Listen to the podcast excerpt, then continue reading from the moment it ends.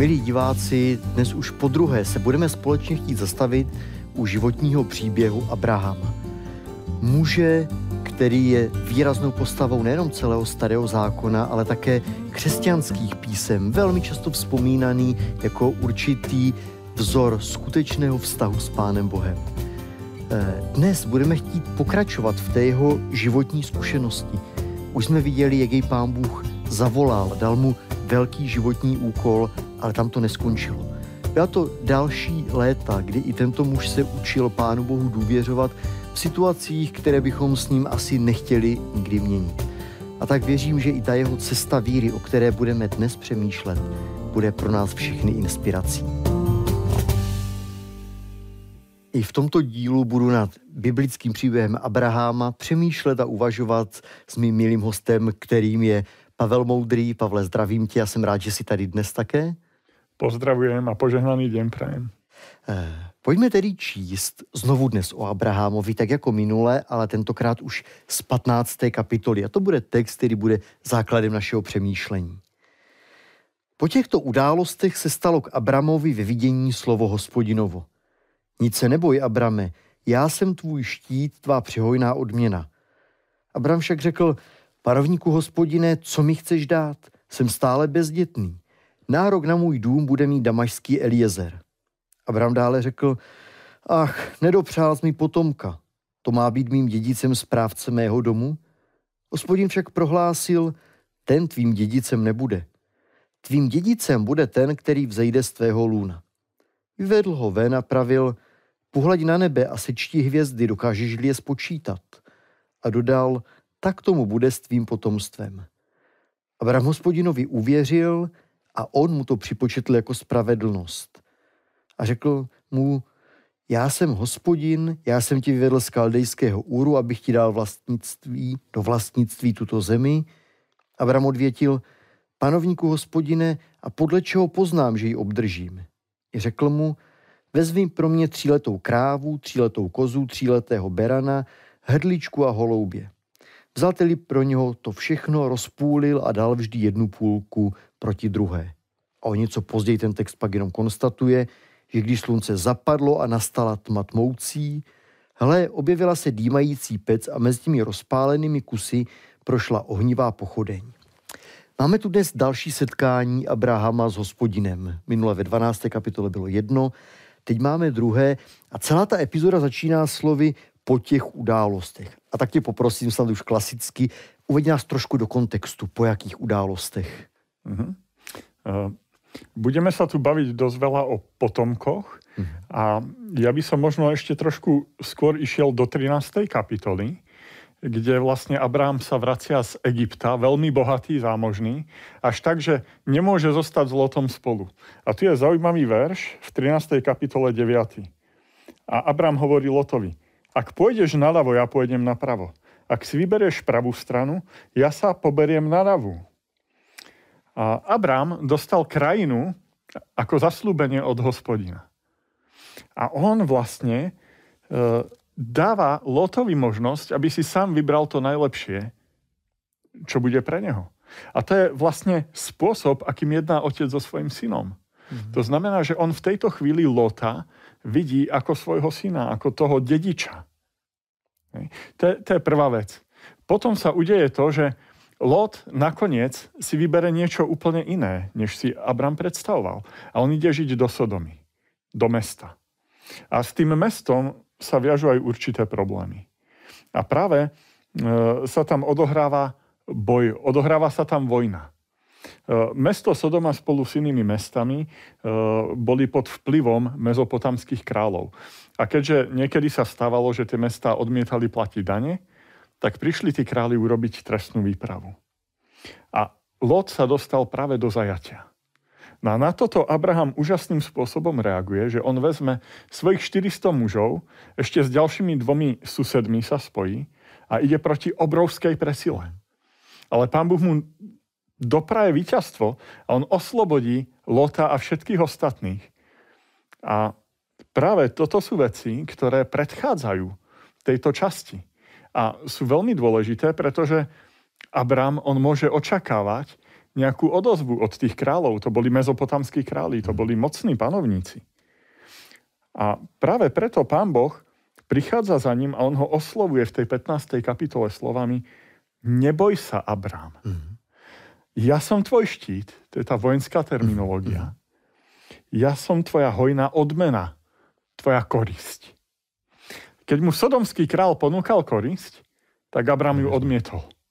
A pán Boh mu hovorí, ja som tá tvoja odmena, ja som tá tvoja korisť a ja som tvoj štít, ja ťa budem chrániť. Nemusíš sa báť ničoho, čo sa deje.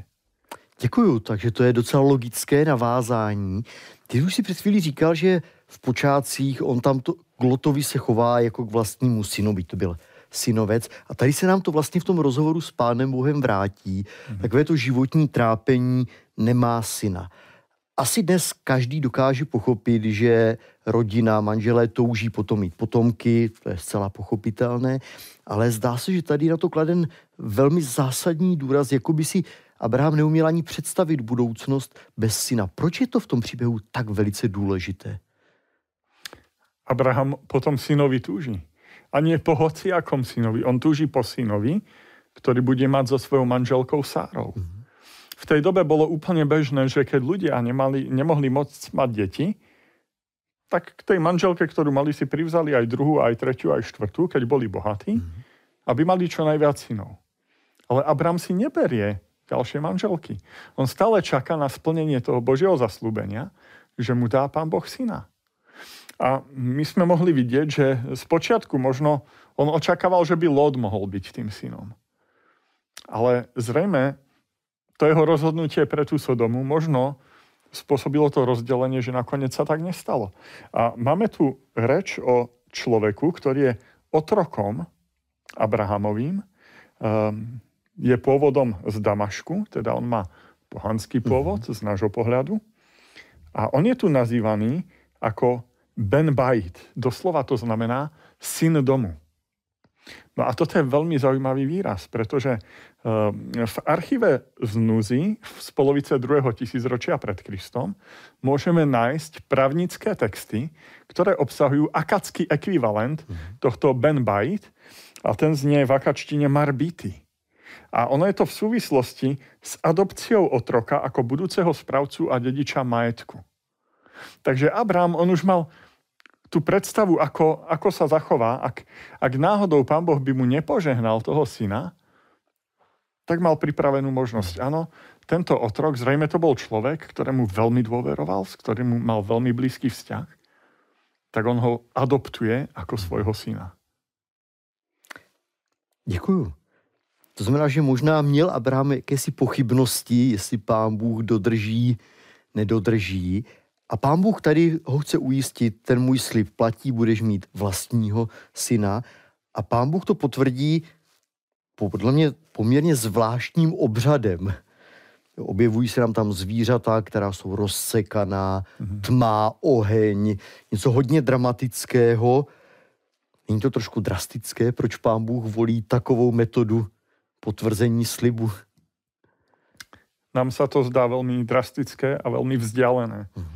Ťažko pochopiteľné, ale pán Boh vždycky používa spôsoby, ktoré sú bežné pre tú danú dobu. Aby bol zrozumiteľný tým ľuďom v tej dobe. My, keď sa na to pozeráme z pohľadu niekoľko tisíc ročí späť, tak nám sa to zdá nezrozumiteľné. Ale pre tých ľudí to bolo niečo bežné, niečo, čo mu rozumeli, čo chápali. A pôvodný význam tohto obradu je práve kľúčový pre naše pochopenie. E, ja by som možno vyzdvihol aj e, knihu Boží charakter a posledná generácia od Richarda Davidsona, ktorý tam práve tejto téme sa zaberá priamo z tej 15. kapitoly a krásnym spôsobom to tam vysvetľuje. E, keď sa pozrieme do toho biblického textu, tak po skončení toho obradu v 18. verši je napísané – v ten deň uzavrel hospodin zmluvu s Abramom. Slovesný koreň uzavrieť zmluvu je krt v hebrejčine a znamená to uh, rezať, odrezať, odkrojiť. Čiže tá zmluva sa ako keby krájala, rezala. A e, to odkazuje aj na bežnú prax v tom starovekom Blízkom východe, kde sa dohoda uzatvárala rozrezaním obetných zvierat a prechodom pomedzi tie rozrezané kusy. E, keď vládca suverejnej ríše vstupoval do zmluvného vzťahu s podriadeným kráľom, tak e, práve vtedy sa toto udialo kde ten podriadený král musel prejsť pomedzi tie rozseknuté kusy tých zvierat a popri tom, keď prichádzal, tak si uvedomoval, že ak on poruší tú zmluvu, tak sa s ním stane to, čo s tými zvieratami. Čiže e, aj v našej dobe máme zmluvné pokuty. Hej. A toto bola taká zmluvná pokuta staroveku, docela drastická, ale bol to spôsob tej doby. Ale čo je zaujímavé, tak e, pán Boh to ako keby otáča. Hej, pán Boh to otáča, pretože nie je to ten podriadený v tej zmluve, kto prechádza pomedzi tie kusy. Abraham tam neprechádza. Hej. Ale máme tam niečo, že sa tam zjaví ohnivá pec, hej, tá pochodeň mm-hmm. A pod týmto je práve ukrytý pán Boh. Pán Boh je ten, ktorý prechádza. Pán Boh na seba berie tú zodpovednosť, tú zmluvnú pokutu za to, keď Abraham poruší tú zmluvu. A to je to, keď my vstupujeme do zmluvy s Pánom Bohom, že my sme tí, ktorí ju porušujú a Pán Boh na seba berie tú zodpovednosť. A ono sa to tak skutočne aj naplnilo v Ježišovi Kristovi, keď na kríži volal Boží syn k svojmu otcovi, Bože môj, Bože môj, prečo si ma opustil? Tak ako to rozpoltené zviera, aj ten Pán Boh, ako keby tie dve božské osoby, ktoré boli celú väčnosť spojené zrazu na tom kríži ich rozdelili naše hriechy. Takže je to taká, taký obraz tejto situácie do budoucna. Děkuji. V šestém verši toho textu, který jsem četl, zazní ona slavná věta, která se několikrát nám objeví později i v těch křesťanských písmech v Novém zákoně a to je, že Abraham hospodinovi uvěřil a on mu to přičetl za spravedlnost. A já se na to nemůžu nezeptat, mm-hmm. Protože opět to není úplně vyjadřování, na které bychom byli dnes zvyklí, co pak spravedlnost se dá někomu připočítat. Zní to pořád trochu mm. zvláštně nám.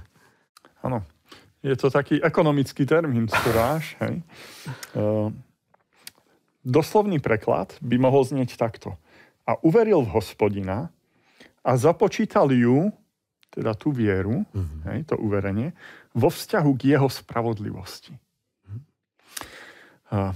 Apoštol Pavel nám ponúka výklad tohto mhm. textu v listu Rimanom. On sa tam tým veľmi zaoberá v celej štvrtej kapitole a mňa tá štvrtá kapitola nesmierne obohacuje v tom pohľade. A on tam rozoberá vlastne Abrahamovú vieru. A teraz slovo veriť v hebrejčine je odvodené od slovesného koreňa amn. A v pasívnom tvare to znamená byť pravdovravný, spolahlivý, byť verný. Hej, teda dodržiavať Božie ustanovenia, Božie zákony. V našom texte ale nie je pasívny tvar, ale je tam aktívny tvar. On uveril Bohu. A je tam dokonca aj kauzatívny stupeň slovesa, to je tretí stupeň.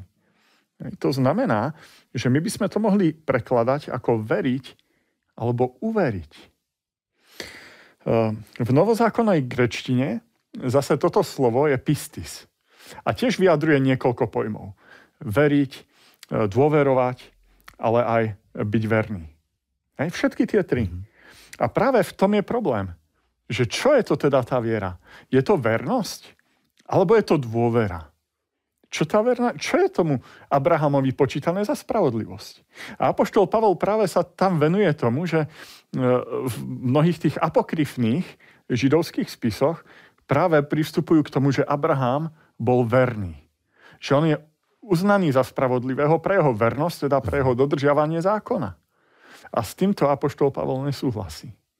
A on to tam krásne ukazuje, že ak by bolo ospravedlnenie dané za vernosť, respektíve za skutky vernosti, e, potom by už ospravedlnenie nebolo otázkou milosti, ale otázkou dlhu Pána Boha voči nám. Ako keby nám je Pán Boh niečo dlžný za našu vernosť. Ale ono to tak nie je.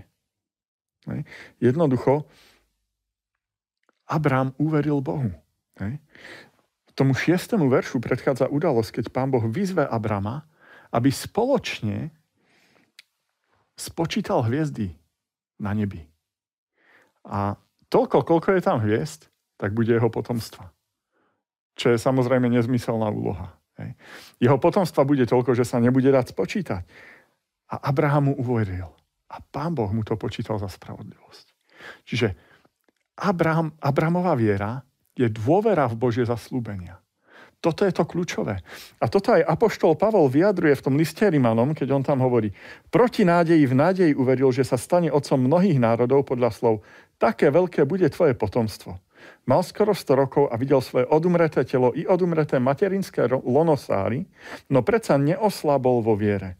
Nezapochyboval v neviere o Božom zasľúbení, ale naopak stal sa silným vo viere a tak vzdal slávu Bohu.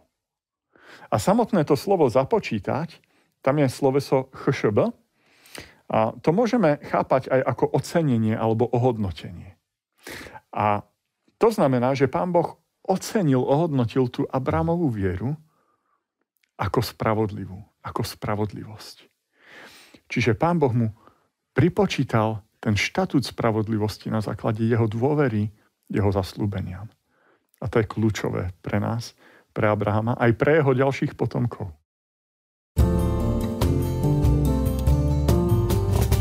Jaké existují možnosti sdílet křesťanské hodnoty? Co třeba korespondenční kurzy? Středisko korespondenčních kurzů nabízí nově online kurzy, ale samozřejmě je možné stále studovat tradičně prostřednictvím pošty. Pomůžete nám s propagací kurzu Impulzy života?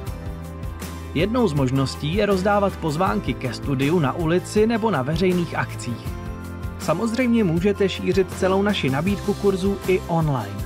Odkaz na webové stránky poslat třeba e-mailem nebo sdílet na sociálních sítích. Děkujeme, že pomáháte sdílet Krista.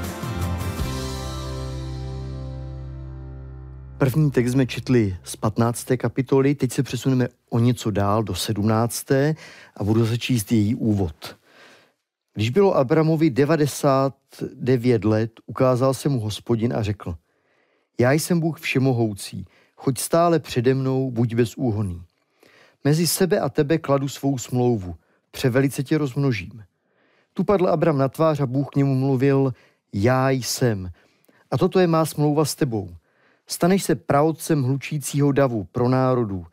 Nebudeš se už nazývat Abram, tvé jméno bude Abraham. Určil jsem tě za otce hlučícího davu pro národů.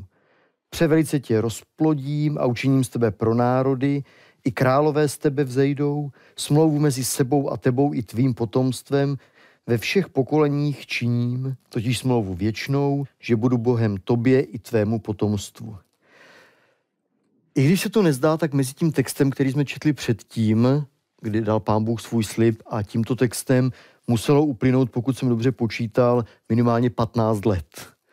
E, to znamená, že mezi tím Abramovi se narodilo, dnes bychom asi řekli, už i nemanželské dítě, což nám zkomplikuje ten příběh, e, ale pořád ještě čeká na toho potomka, kterého pán Bůh slíbil. Ale to jsou dlouhé roky a hmm čas ubíhá, tak si dovolím možná opravdu spekulativní otázku, ale říkám si, na co ten pán Bůh čeká, když už to tak jasně slíbil a pořád nic. Hmm. My sa v podstate už ani nemôžeme čudovať, že ten Abrám s tou Sárou to vzali tak trochu do vlastných rúk a vlastne Sára doporučila tú svoju otrokyňu Hagar a s ním potom, s ňou mal Abraham Izmaela. Ale skutočne, na čo pán Boh čaká? E, čaká možno na to, aby bolo bez akýchkoľvek pochybností jasné, že narodenie Izáka je Boží zázrak. Lebo naozaj aj v tej dobe 90-ročná žena, aby sa jej narodilo dieťa, storočnému mužovi. Je to naozaj inak ako zázrak sa nazvať nedá. A niekedy aj v našich životoch to tak býva, že niekedy čakáme, že Pán Boh zasiahne a dlho čakáme a už by sme chceli, aby zasiahol a nakoniec na poslednú chvíľu sa veci vyriešia. Takže ono, aj ako keby Pán Boh nejak nás cvičí v tej dôvere voči nemu. Tak to je docela náročná škola. Toto. Když pán Bůh tady po těch dlouhých letech k Abramovi, posléze Abrahamovi tedy promlouvá, tak ten text říká, že ho vyzve, choď stále přede mnou, buď bezúhoný. Tak mě napadá, proč? Eh, to byl nějaký aktuální problém pro Abraháma, že potřebuje takovou výzvu? Hmm. Ja to možno chápem nie ako výzvu, ale ako nejakú motiváciu alebo utvrdenie. E, tá bezúhodnosť, ono sa nám to môže nejakým spôsobom prelínať s dokonalosťou. Ale problém je, že my považujeme za dokonalosť niečo iné, než čo tým myslí ten biblický text. E, my dokonalosť často chápeme ako bezchybnosť. Ale Abraham bezchybný nebol. Hej? V jeho živote sa striedajú silné momenty a v zapätí tie slabé. Hej? Napríklad je oslovený pánom Bohom, vidí, opustí dom svojho otca a on ide, muž viery, a v zápätí príde do Egypta a tam sa tak bojí o svoj život, že nechá faraónovi svoju vlastnú ženu, tým, že ju vydáva za sestru. Hej? Potom zrazu silný oslobodzuje Lota, hej? aby v zápätí zlyhal v tom, že k tej Sáre si vezme tu Hagár a splodia Izmaela. Hej, takže ani u toho Abrama to není tak, že by bol stále hore. Ale u neho je to taká tá možno postupná stúpajúca špirála, alebo neviem, ako to nazvať. Hej. No a Pánu Bohu teda nejde o tú dokonalosť. Pánu Bohu ide o niečo iné. E, Pán Boh Abrahama motivuje, aby pokračoval v nastolenej ceste. Hmm na stolenej ceste dôvery. Výraz choď predo mnou je výrazom blízkeho vzťahu. A neznamená to, že najprv ide Abram a za ním Boh. Hej? Ale znamená to to, že sa pohybuje pred Božou tvárou doslovne. A toto sloveso sa tu nachádza v reflexívnom tvare, takže ono by sa to dalo preložiť, prechádzať sa alebo stretávať sa s Bohom. A to je, to je už krásny výraz. Mm-hmm. To je výraz, ktorý, ktorý hovorí naozaj o vzťahu, o priateľskom vzťahu. A v prvej časti knihy Genesis sme mali dvoch mužov, ktorí chodili s Bohom. Hej, Enoch a Noé. A Abram je pokračovateľom viery týchto dvoch mužov, božích mužov.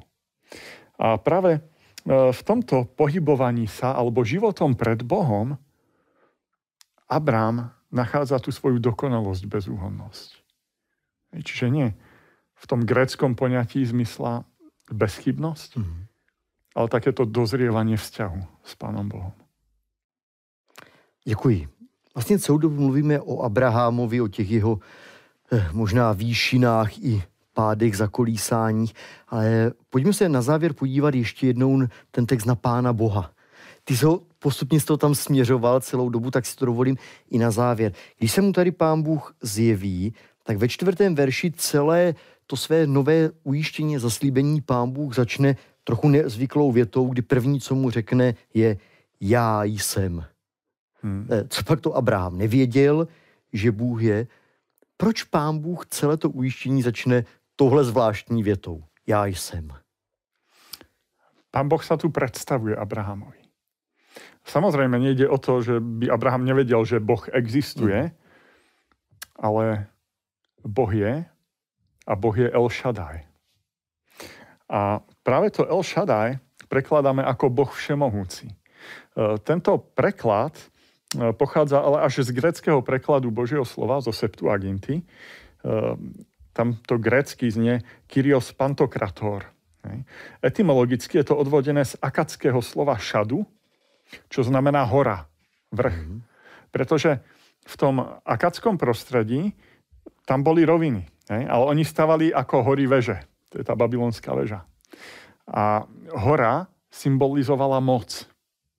Preto Boh všemohúci. Ale existuje aj odlišná etymológia, El Shaddai, a tá pochádza z Midrash Berešit Raba.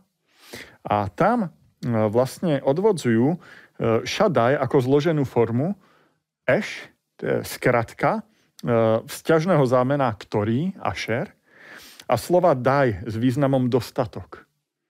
A preklad e, podľa tejto etymológie je Boh, ktorý je sám sebe postačujúci. Čo je tiež zaujímavé.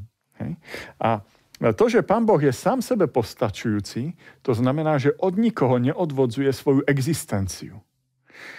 A zároveň to vypoveda aj o jeho všemohúcnosti.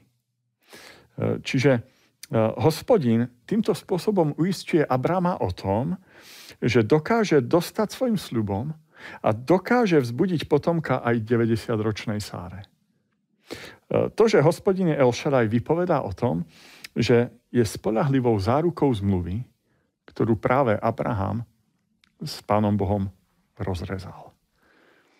Děkuji. Myslím, že je vhodné, že celý ten Abrahamův příběh, kdy poznával Pána Boha, jsme mohli zakončit tím, jaký ten Pán Bůh je a jak se představuje. A za to jeho představení ti chci moc poděkovat. A já ďakujem. Pán Boh je úžasný. Abraham a jeho životní pouť a cesta s Pánem Bohem. Příběh, který nám ukazuje na velkou školu, kdy se člověk učí, jak důvěřovat hospodinu i v nelehkých chvílích. Příběh výšin i pádů, příběh, kdy člověk zkouší brát věci do svých rukou za každou cenu, ale také momentu, kdy pochopí, že v některých okamžicích to jediné, co můžeme udělat, je s důvěrou se spolehnout na boží zaslíbení. A tak jsem rád, že i to naše druhé zastavení u Abrahamova příběhu nám mohl možná poodhalit něco z toho, co prožíváme sami. I my dnes v našem vztahu s Pánem Bohem, kdy se můžeme učit více mu důvěřovat.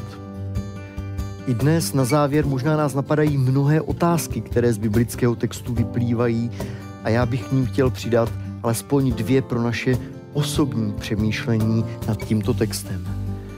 Ta první otázka, kdybychom měli zhodnotit možná ten svůj vlastní duchovní život víry a spoléhání se na Pána Boha. Myslíte si, že by hospodin mohl říci i o vás, o mně, že stále chodíme před ním a důvěřujeme mu? A pokud ne, co s tím můžeme udělat? A druhá otázka k přemýšlení, jak se vám daří v životě uchovávat si víru a pevnou důvěru v boží vedení i tehdy, když možná už léta nevidíme, že by se boží zaslíbení plnila? Co vám v takových chvílích pomáhá? Přemýšlejte, hledejte, modlete se, podělte se třeba i s ostatními o to, co vám Abrahamův příběh pomohl pochopit. A těším se, že příště budeme moci sledovat ještě jednou příběh tohoto muže a najít v něm nové poselství a nový obraz milujícího Boha. Do té doby pán vás provázejí.